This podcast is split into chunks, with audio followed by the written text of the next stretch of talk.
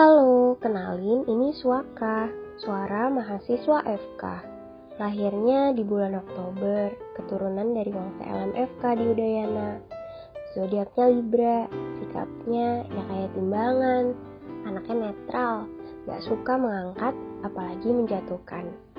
Hobinya ngobrol, paling suka dengar cerita.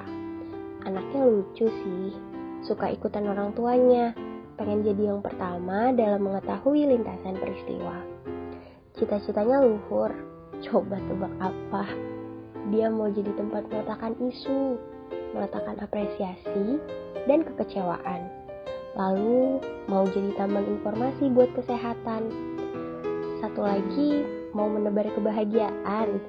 Semua diletakkan, lalu ditimbang oleh yang mendengarkan.